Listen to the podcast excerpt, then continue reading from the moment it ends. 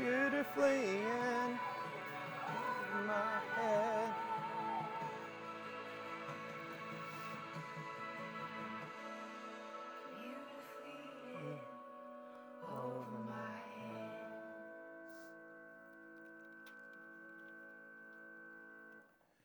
Lord Jesus, that's our prayer this morning. Lord, if we sink, if we swim, it makes no difference, Lord. We're beautifully in over our heads, God. Lord, let us find the avenues that you call us to that get us in way over our heads to where, Lord, we can't, but you can. Lord, let us get into impossible situations. Lord, let us get into faith filled situations, God. Lord, let us be able to look at moments like this where we could back up eight months ago and fast forward in two weeks and see what a difference that you've done. God, we thank you. Let us get beautifully in over our heads, even in these moments. Lord, for the kids upstairs, let them get beautifully in over their heads in you, Jesus. Let them be swim, swimming in the depths of you, God. Lord, as we are in over our heads with too many people in this room, Lord, we thank you for that. As we're in over our heads with a church start, with uh, sicknesses, with uh, family issues, and all the different things, Lord, in a weird way, we are thankful for that. Because we know we can't and you can. Holy Spirit, come. We pause to hear from you. So speak in Jesus' name. Amen. So, um, for some of you that are new, some of you have been here the whole time, um, back in January, God gave me a, a, a, a sermon series I thought I was going to be teaching at High Point, and ultimately it was the sermon series that we've been in for the last nine to ten weeks, and um, and we. Uh, we are launching this new church, right? We're starting this new church um, called uh, Selah Memphis, and the man that says the word the most in Scripture is David. And we thought, and so I was like, you know what? Before we start a series around uh, Selah, around Selah, now, before we start a series around Selah, let's why don't we f- figure out the man who said the word the most? And so we've been studying the life of David, and um, there are two or three spots where there's a huge swing in David's life and another huge swing in David's life. And last week we talked about um, probably a pinnacle swing, a swing that changed so much trajectory of David's life. Um, everything, all he does is win, right? Like that's what's happening. And then in a time when kings are off to war and he's sitting at home on his couch, not in a lazy context, but in a wrong rest context. Um, he makes the mistake and uh, sleeps with Bathsheba. Bathsheba gets pregnant, ends up killing Bathsheba's husband because he can't manipulate the situation like he wants it to. And then ultimately, Nathan the prophet, his friend, comes to him and says, What are you doing? This isn't who you are. Just like we probably had friends say that to us before. And David responds in a healthy manner, doesn't apologize to Bathsheba, which I'm sure he did at some point, doesn't apologize to Uriah's family or Nathan or anybody that's affected here. His first statement is, I've sinned against God. Because that is the real relationship that he's focused in on.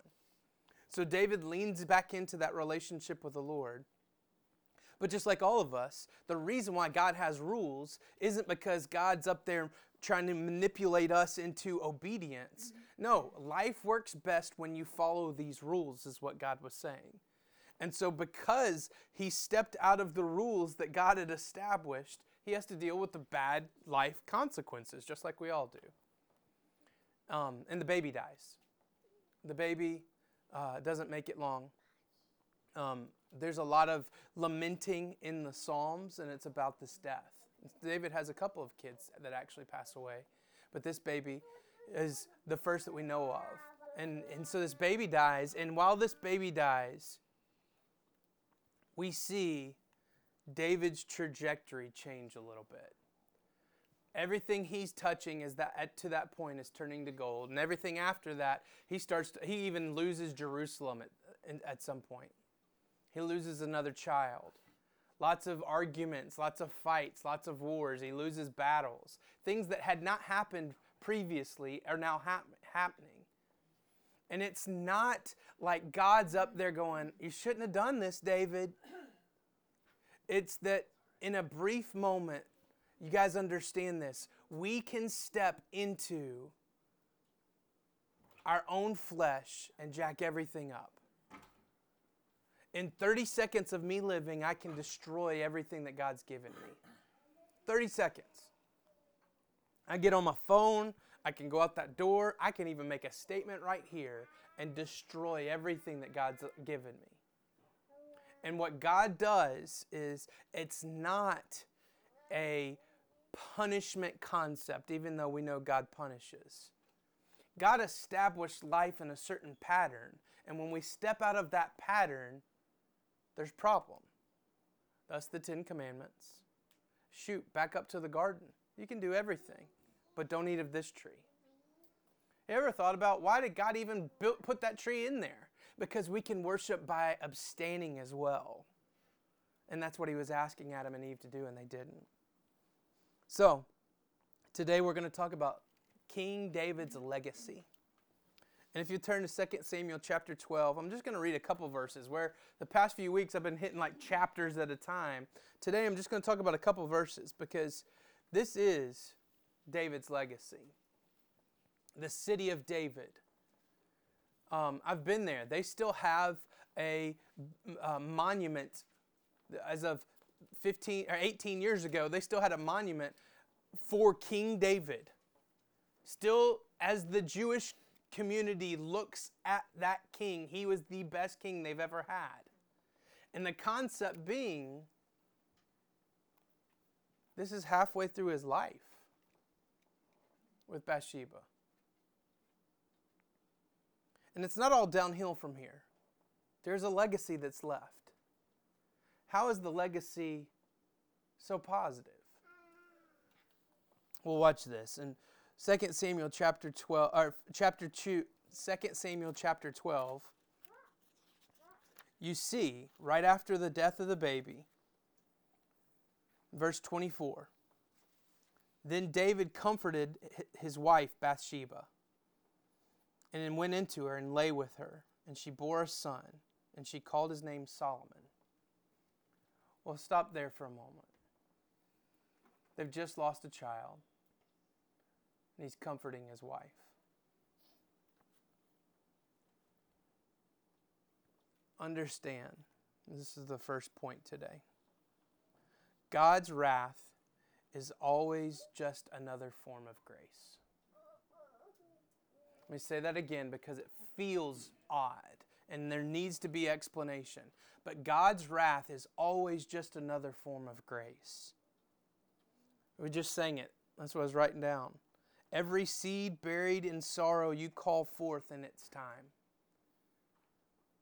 See, David and Bathsheba would be circling that season of a loss of a child as, as the season of life that's the worst. And it probably is. But watch what happens.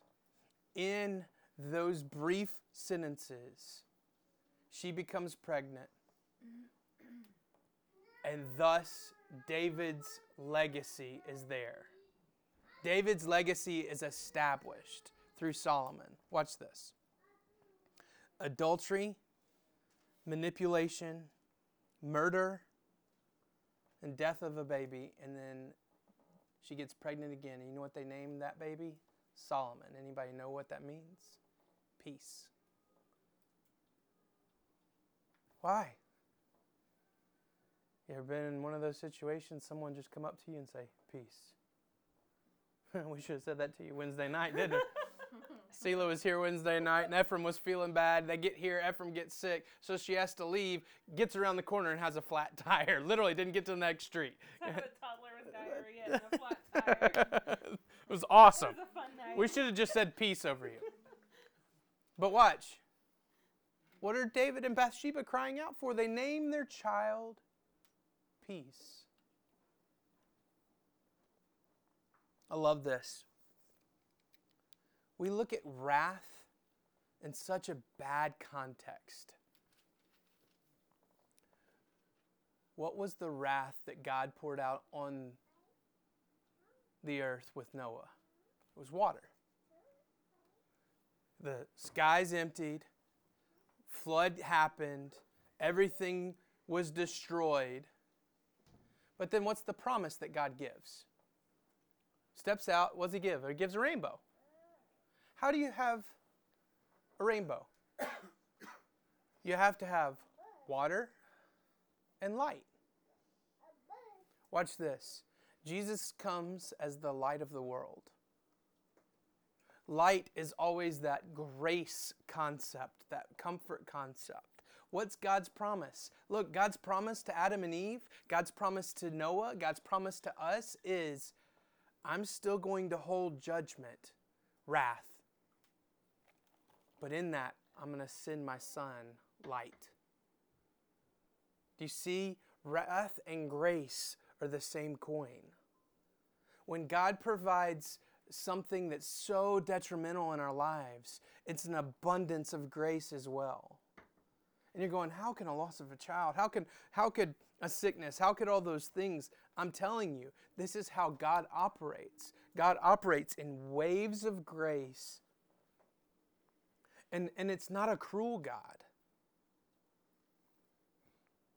In the moment that they're mourning the loss of a child, God gives them peace. But then, if you keep reading, y'all have got so many verses because of my notes. I'm like, page, read one word and flip the page. When we think destruction, God says grace. I read this. I've, I've searched this probably for 15 years. Can't find it. I don't know exactly where it is. Maybe you read it when, but it was an email that I got sent probably two or three weeks after September 11th. Um, and we you just, if you remember, man, we all know have tons of memories of those days and stuff. But where was God? You know, people were asking that question. Where was God? Watch the grace. We know 2,996 people died on uh, died on September 11th. I don't think that includes the hijackers, but capacity of the Twin Towers is 50,000 people. Capacity of the Pentagon is 23,000. Only one of the flights that day was at 50% capacity. The rest were at 19, 18, and 16% capacity. United 93 was aimed at the Capitol, which was in session, probably had 13,000 people in the building at the time. I know it's sad, 2,996, but God was right in the middle of all of it.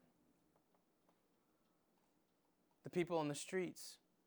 I read somewhere yesterday I forget which flight, which tower it was, but if one of the towers, if the plane had come in seven uh, um, floors lower, it would have instantly collapsed. But the fact that there was a 20 minute and a 30 minute or however long time on the first one and the second one before it collapsed, thousands of people got out. Here's how we're trained, and it's because of our sin nature. We look at it and recoil because of the catastrophic, which is healthy because it is very catastrophic. But sometimes, if we look a little bit deeper, we see the grace. Don't get it twisted. Still disgusting. Still incredibly hurtful. If it was one, it's, it's a horrible pain to walk through. Even through the drama, God's grace is there. Watch this. At the end of that verse, said, and he called his name Solomon, and the Lord loved him. Another version says, and the Lord loved the infant. It's the only time in Scripture where God the Father says he loves an infant. The only time in Scripture. So, and the Lord loved him. But then, verse 25. I love this. And the Lord loved him and sent a message to Nathan. What was that message? Was that a text message? How did that work? Lord loved him and sent the message to Nathan the prophet. So he called him his name Jedediah because of the Lord. It's the only time in Scripture that we ever hear Solomon called Jedediah. God sends a message to Nathan. I want him, I'm going to call him Jedediah. No one else calls him Jedediah. Why? I've been struggling with this so much. Jedediah means blessing to God or friend of God. Solomon had a name only God called him.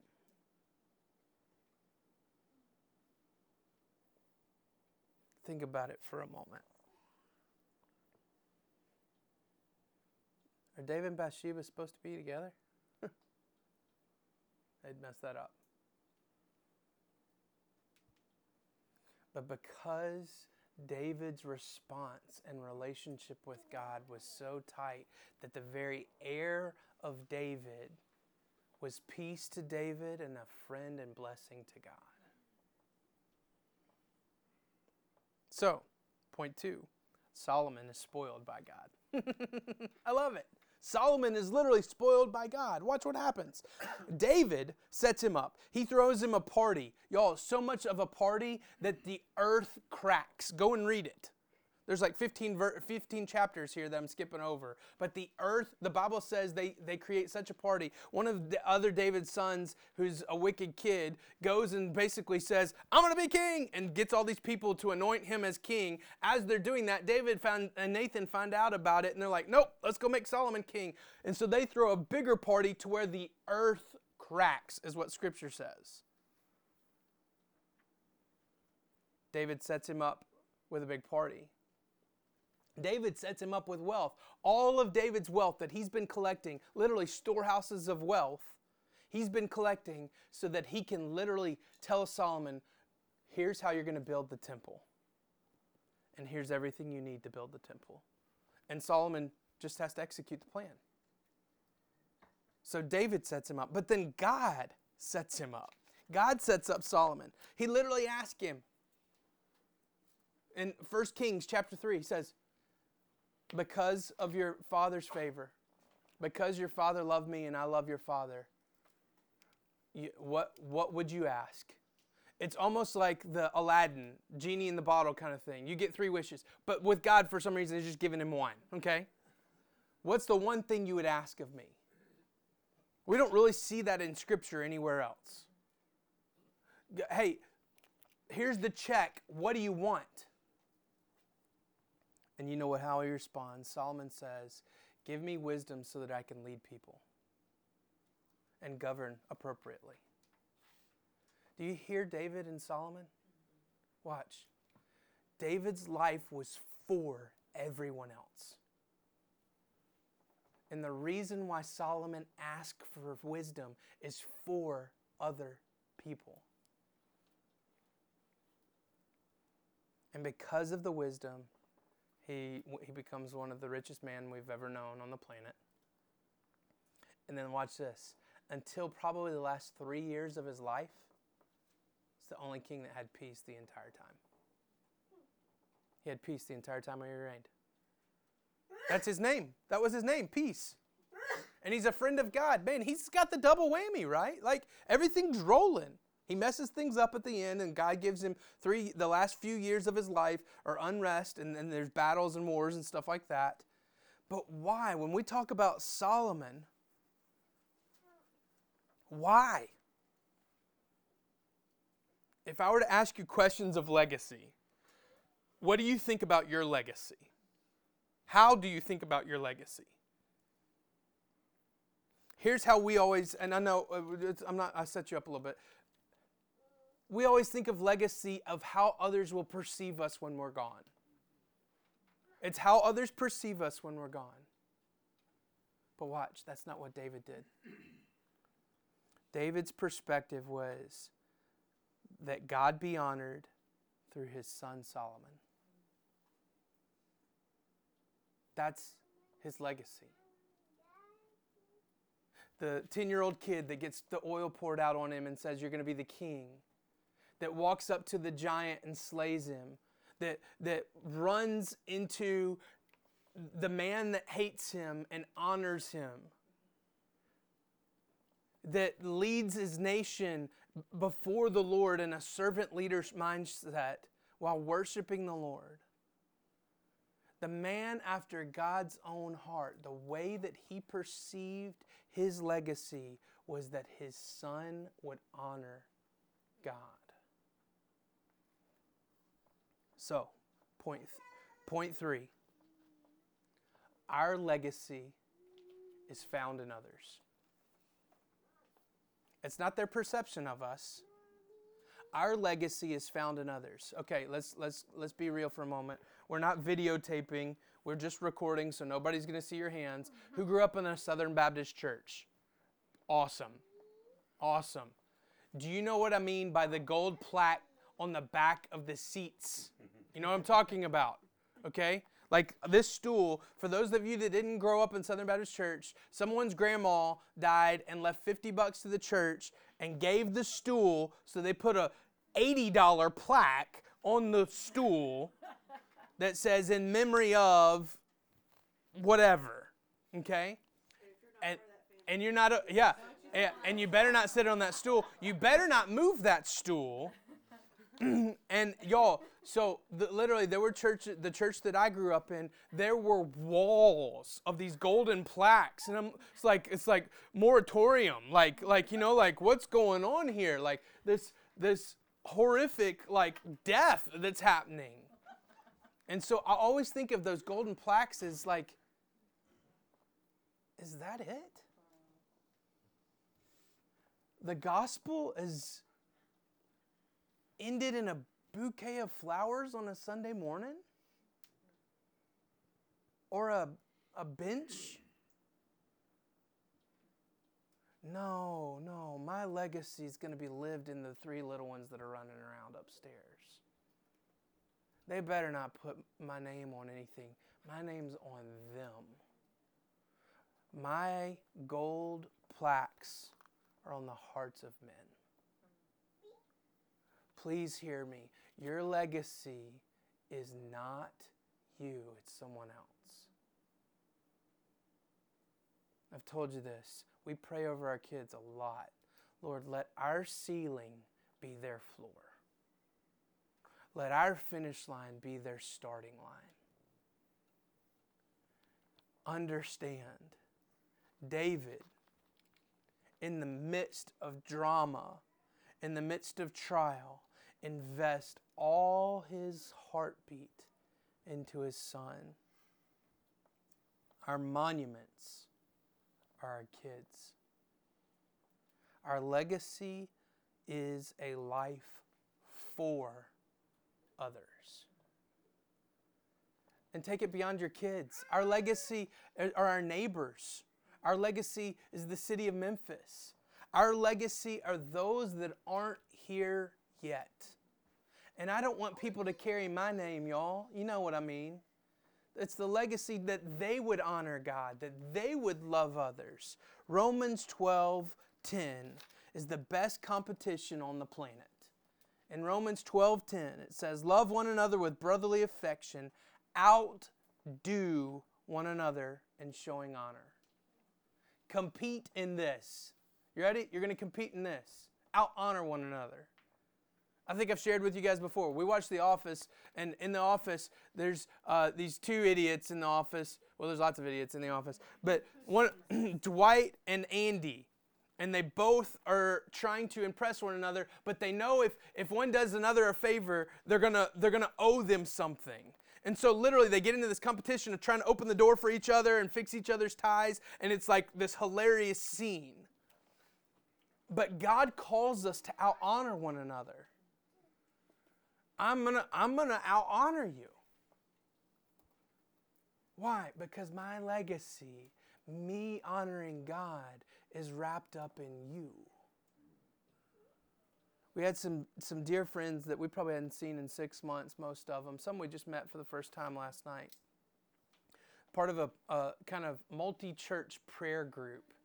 And um, knowing what we have coming this coming Sunday with the soft launch of Selah Memphis, a couple weeks ago, maybe a month ago or so, they set up, hey, we want to come over to your house and just pray over you guys. Well, then I get sick, and all, we're like, yes, come and pray. And so it was great. It was, it was, it was a wonderful time. But there was this fun moment of, um, I just felt impressed to pray for someone um, who's kind of become a leader somewhere and, and just was, was kind of praying. And her husband, as soon as I was done, says, Lord, I want to pray everything right. Just prayed over him. And it wasn't like um, uh, selfish. I went, no, this is how this is supposed to operate. When, when I love, if I get nothing back, that's great. If I have the love returned, that's how Scripture says this is supposed to work. And the same thing, I'm going to outdo you with honor. I'm going to compete. David his entire life, outside of the very few decisions that he made around Bathsheba, was live for others. Why is his legacy so strong? Why is his life so potent? Why do multiple different belief systems honor King David? He walked humbly before the Lord, and his life was lived for others. We, the, uh, some of you have been very sweet. Hey, do we need to meet this morning? Are you okay? Do you feel good? And I've got this burning in my head, and like literally burning in my head, but then, but this burning in my spirit of like, no, like this is in my spirit, and I told Ann, I was like, if I can see my notes, that'd be great, but I think we need to meet even if I can't see my notes. So okay, I got to get it out. My life's not for me. My life's for my kids, my life's for my family, my life's for you. But here's the fun thing your life's for me. Makes sense? So if I have confidence that I'm going to lay my life down for a friend. Well, if they do the same thing for me, that's how life's supposed to work. As we look to next Sunday. For. That simple three letter word. For. As you look tomorrow morning, sending the kids off to school, for. You know, life is for others. And the good thing is, you're a part of the others. You don't have to be feeling like you're on an island. David didn't feel like he was on an island. But watch how he sets up the most wealthiest, wisest on the planet. Wasn't because of something that that kid did, because God loved him when he was an infant. Why? Because of his dad. Your life is meant to live for others.